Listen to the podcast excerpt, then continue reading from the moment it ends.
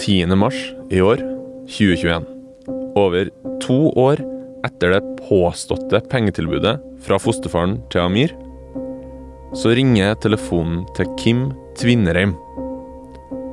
Han er en mann du ikke har møtt før i denne historien her. Det du trenger å vite om han, er at han tidligere har jobba tett med fosterfaren, men at han for en god stund siden hadde sagt opp den stillinga i barnevernsselskapet. Eh, Jeg var daglig leder, eh, og jeg var også avdelingsleder på flere avdelinger. På mobildisplayet denne dagen ser han at det er fosterfaren som ringer. Tvinnereim stusser. Hva vil han? Hvorfor ringer han nå? Tvinnereim sørger for å få tatt opp denne samtalen, uten at fosterfaren vet det. Ja, ja. ja det er bra. Senere skal Tvinnereim gi fra seg det hemmelige opptaket til VG.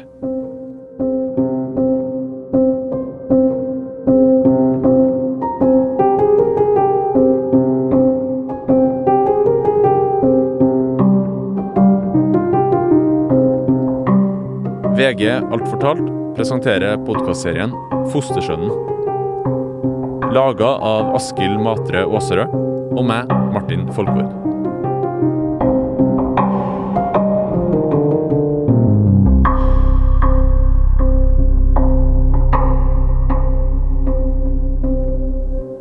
Episode fire av fem.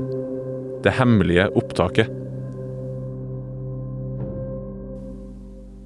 Helt i begynnelsen av den podkastserien her, så sa jeg at vi skulle undersøke to spørsmål. Det ene var hvem var det som løy av fosterfaren og Amir om de påståtte overgrepene? Etterforskninga av det spørsmålet fortsatte. Og i arbeidet så kom politiet over noe nytt. Amir var nemlig ikke alene i sine påstander. Politiet hadde funnet to andre personer som, uavhengig av Amir, anklaga fosterfaren for seksuelle overgrep. De her to påståtte hendelsene skal begge ha skjedd lenge før Amir flytta inn hos fosterfaren. Faktisk mer enn 15 år tilbake i tid. I dag er begge sakene henlagt. Den ene fordi den er forelda, og den andre fordi det påståtte overgrepet skal ha skjedd før fosterfaren nådde den kriminelle lavalderen. Derfor går vi ikke inn i detaljene rundt de sakene her. Men på tross av at de var henlagt, så mente politiet at anklagene her var så viktige at de to personene som kom med dem, burde ha vitne i rettssaken. Mens politiet fant nye vitner, så sleit ventetida på Amir, ifølge den tidligere advokaten hennes, Brynjar Meling. Fordi at han hadde stilt livet sitt i bero til å vente på å bli ferdig med dette. Men spørsmålet om hvem som løy av fosterfaren og Amir, var altså bare det ene spørsmålet vi starta den serien her med.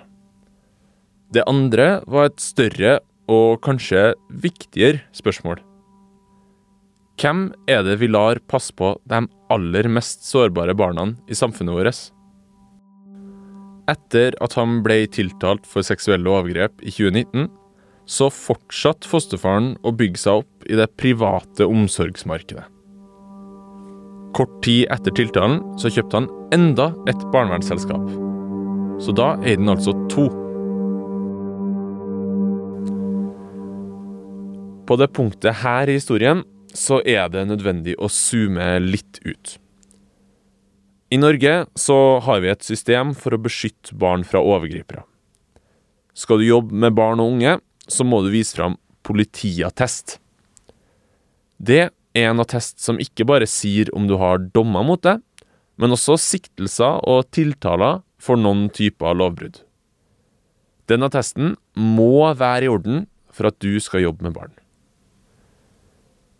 I tillegg så plikter en bedrift som driver barnevernsinstitusjoner, å si fra hvis styrelederen deres ikke har gyldig politiattest. Uavhengig av om den personen jobber direkte med barn eller ikke. Det opplyser barnevernet til VG. Men saken om fosterfaren viser at det finnes hull i politiattestsystemet.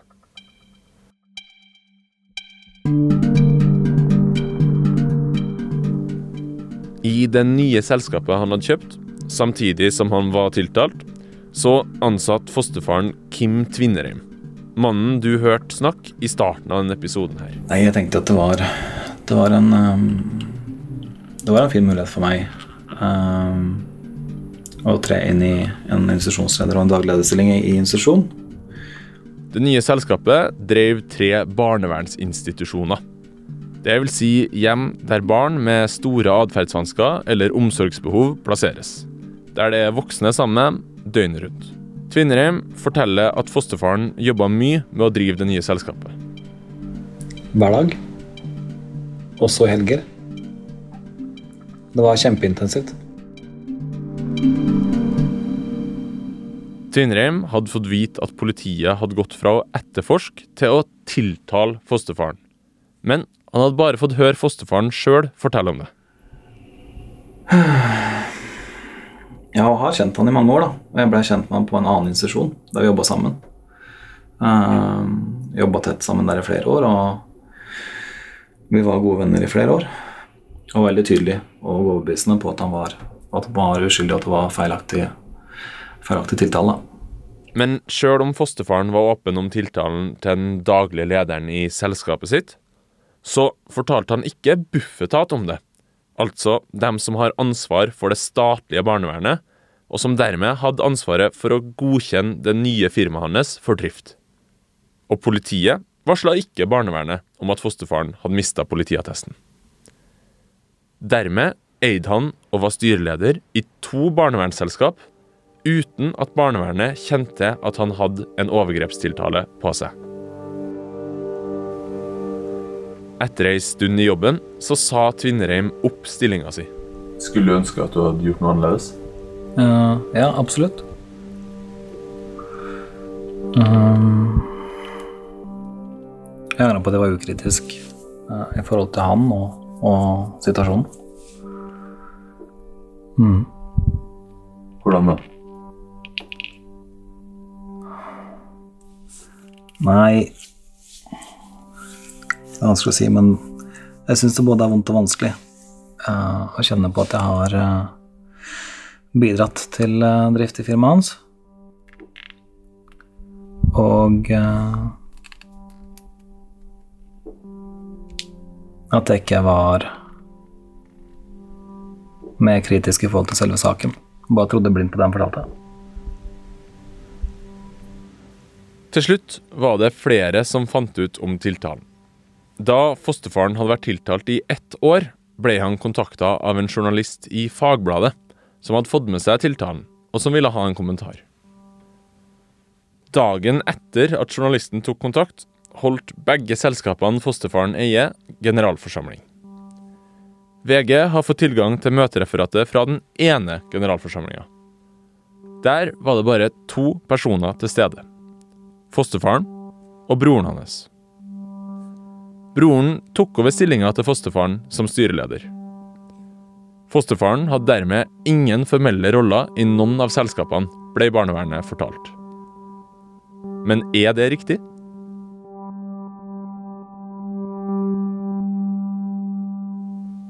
VG har fått innsyn i ei rekke e-poster og meldinger som fosterfaren har sendt etter at han trakk seg som styreleder. Her skriver han om personalsaker, rapportering til myndighetene, og at han er på kontoret til bedriftene sine. Ifølge ekskollega Tvinnereim så var fosterfaren fortsatt på jobb. Jeg vet at han fortsatte å jobbe i selskapet, ja. Hvordan vet du det? Uh, jeg hadde fortsatt noe kontakt med han i perioden. Selv om jeg hadde trukket meg ut av firmaet, så uh, var det fortsatt noe kontakt i forhold til uh, Jeg ble invitert til å komme på møter. Etter at han i januar 2020 formelt hadde trukket seg ut av selskapene sine, har det offentlige kjøpt tjenester fra firmaene til fosterfaren for minst 37 millioner kroner, viser fakturaer VG har fått innsyn i. Da skrur jeg på den her, som betyr at uh, går. Ingrid Pelin Berg er regiondirektør i Bufetat. De har brukt mange millioner på det ene av fosterfaren sine selskap, også etter at han ble tiltalt. Berg stilte opp til et intervju med meg i slutten av september i 2021. Jeg starta med å påpeke at fosterfaren hadde vært tiltalt for overgrep siden februar 2019. Han ble vel tiltalt i februar 2020? Stemmer ikke det? Nei, han ble tiltalt i februar 2019. Ja, riktig. Da jeg intervjua Berg, så visste Bufetat altså fortsatt ikke at fosterfaren hadde vært tiltalt i et helt år før de fikk vite om det. Via den journalisten i Fagbladet som også kontakta fosterfaren. Det sjøl om det var det offentlige barnevernet i bydel Frogner som hadde levert anmeldelsen som hadde leda til denne tiltalen. Så på tross av at det kommunale barnevernet hadde anmeldt fosterfaren, visste ikke det statlige barnevernet hva som skjedde i saken. Det er jo et uh, eieransvar å opplyse oss om alle forhold som har med godkjenningen av uh, som institusjon å gjøre. Det er først og fremst et eieransvar.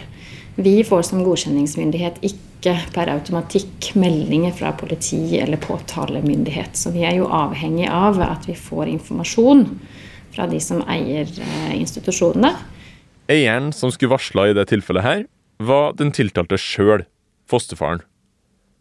Bufetat snakka ikke med politiet om saken mot fosterfaren, og politiet snakka ikke med Bufetat.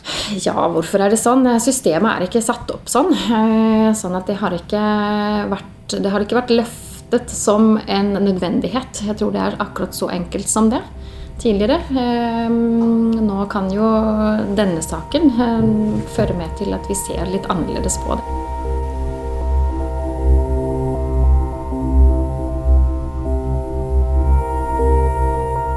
Mens alt det her foregikk i fosterfaren sine selskaper, så gikk den tidligere fostersønnen Amir og venta på en rettssak.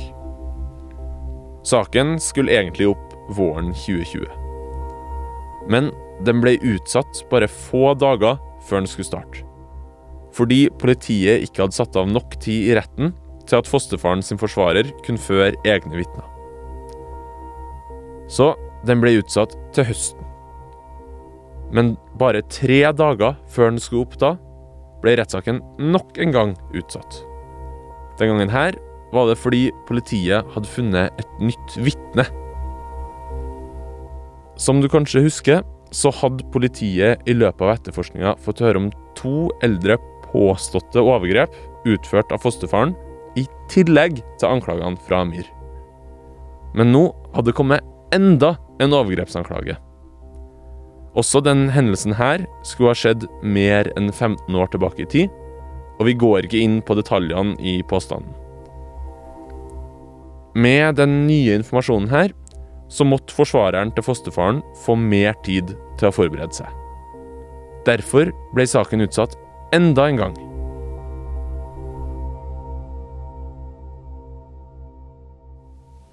Rett etter den andre utsettelsen skrev Amir ei messengermelding til tvillingbroren. Har stressa meg og fucka med meg altfor lenge det her nå, men alt kommer for en dag. Tvillingbroren skrev tilbake. Det skal gå seg til, så blir du en fri sjel igjen.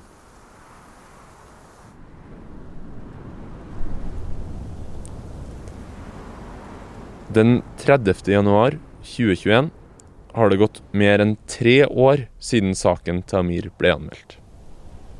På dette tidspunktet er planen at rettssaken skal gå i april. Utafor leiligheten til tvillingbroren til Amir viser gradestokken minus tolv den kvelden her. Da satt jeg hjemme eh, i sofaen og så på Så på TV med samboeren min. Og mm, skulle til å legge oss. Jeg skulle på jobb dagen etterpå. Mm. Så ringer telefonen. Og ser at det er pappa som ringer. Så da tar jeg telefonen, og så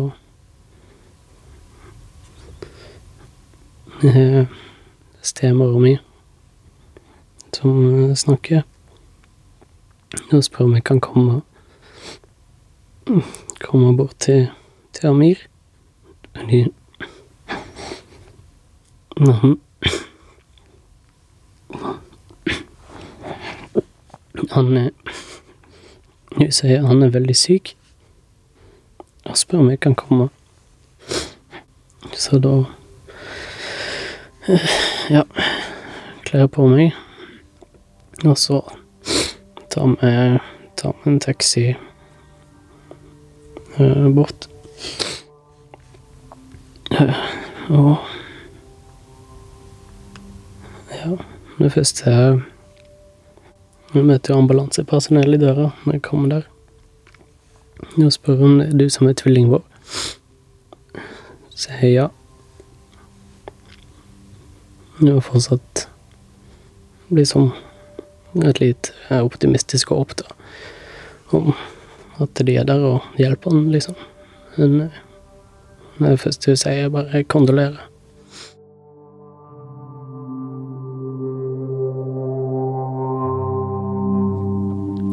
Amir er død, alene i leiligheten sin.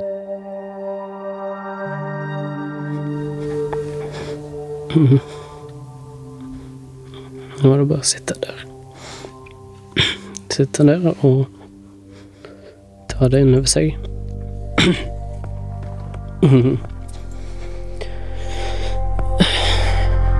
Ja.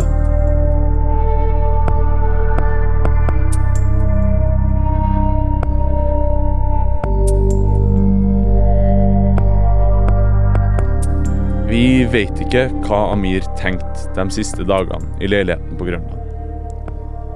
Tvillingbroren Daniel mener at straffesaken og alle utsettelsene til slutt ble en større byrde enn de påståtte overgrepene i seg sjøl. 100% Det er saken eh, som eh, som er ødelagt. Ikke hendelsene bak.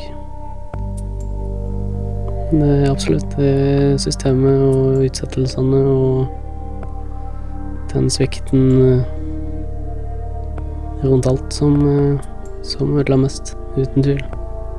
Med hver utsettelse så ble det bare ti ganger verre hver gang.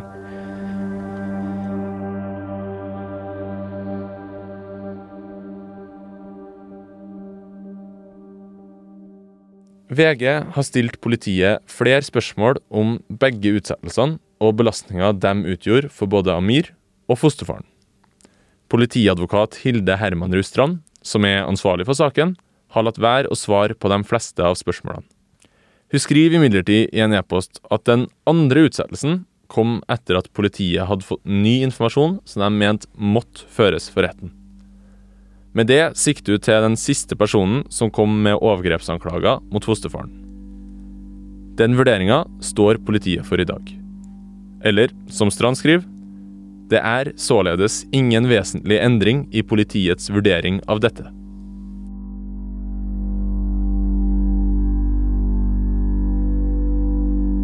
Det går en måned etter dødsfallet.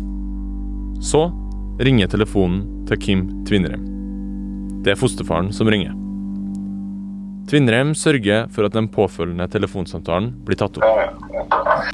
ja ja. ja, bra. Du skal få høre utdrag fra den samtalen nå. Det her er fosterfaren. Jeg tenkte jeg skulle ringe deg og hjelpe med for uh, det som ligger på nett og sånn. Men han lider død. Vi har fordreid stemmen til fosterfaren. Det han sier, er altså Jeg tenkte bare jeg skulle ringe deg og informere, for det er sånt som ligger på nett og sånn. Men Amir er død. De to snakker litt til. Så sier Tvinnerheim. Nei, nei, det er jo tragisk, tragisk det, men eh, hva skal man si? Jeg kan snakke at er en stor sorg, jeg, altså. Det er helt til det. Jeg har ikke akkurat en stor sorg, jeg, altså. Det er ingen grunn til det. det Så må skal se hva politiet finner på nå. da. Det er jo, det er jo et problem for meg, for de får ikke, de får ikke lov å presentere forklaringene hans sånn i retten. da. Så da har vi jo en eh, ganske tynn sak. Eller den var ganske tynn fra før, men nå er den jo. Så får vi se hva politiet finner på nå, da. Det er jo et problem for dem. For de får jo ikke lov til å presentere forklaringene hans og sånn i retten, så da har de jo en ganske tynn sak. Eller, den var jo tynn fra før, men nå er den jo cirka ingenting.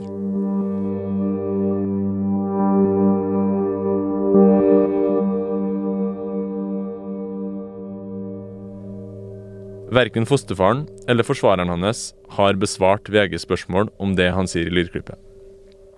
VG har også stilt han mange andre spørsmål, bl.a. om straffesaken og hvordan han har unnlatt å informere barnevernet om tiltalen han har på seg. Fosterfaren henviser til forsvareren sin, Thomas Randby.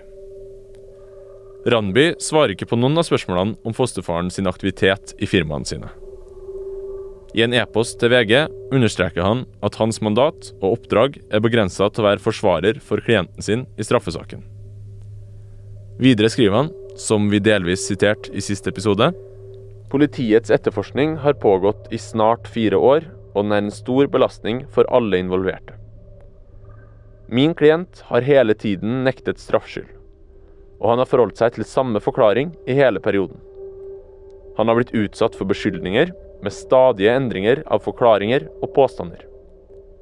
Påstanden om et angivelig pengetilbud, tilleggstiltalen, ble behandlet av Oslo tingrett i vår, hvor det ble avsagt en enstemmig frifinnende dom. Påtalemyndigheten har påanket dommen. Litt senere i e-posten viser han til at opplysningene i straffesaksdokumenter i stor utstrekning er underlagt taushetsplikt. Omstendighetene gjør at jeg på dette tidspunkt ikke finner det riktig overfor media å gi en detaljert uttalelse. Randby ønsker ikke å la seg intervjue til denne podkasten her.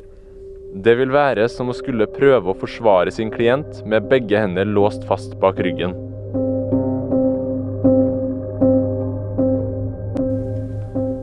Sjøl om Amir er død, er historien om han og fosterfaren langt fra over ennå.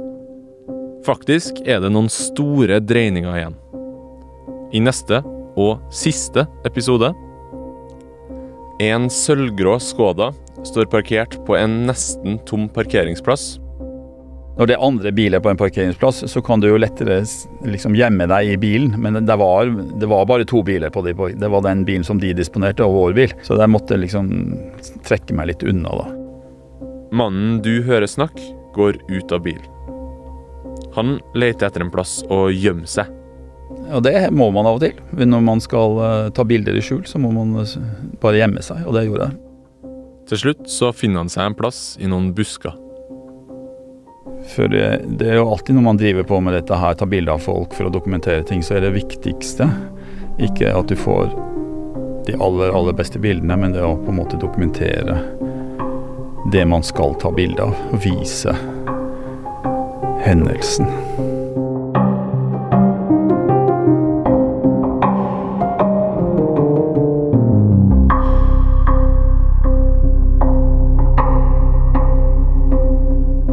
Podkastserien Fostersønnen er laga av Askild Matre Aasere og meg, Martin Folkvord.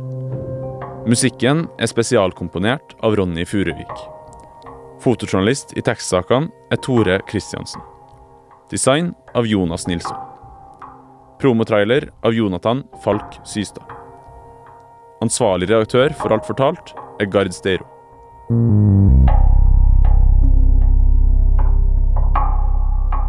Du har hørt en podkast fra VG.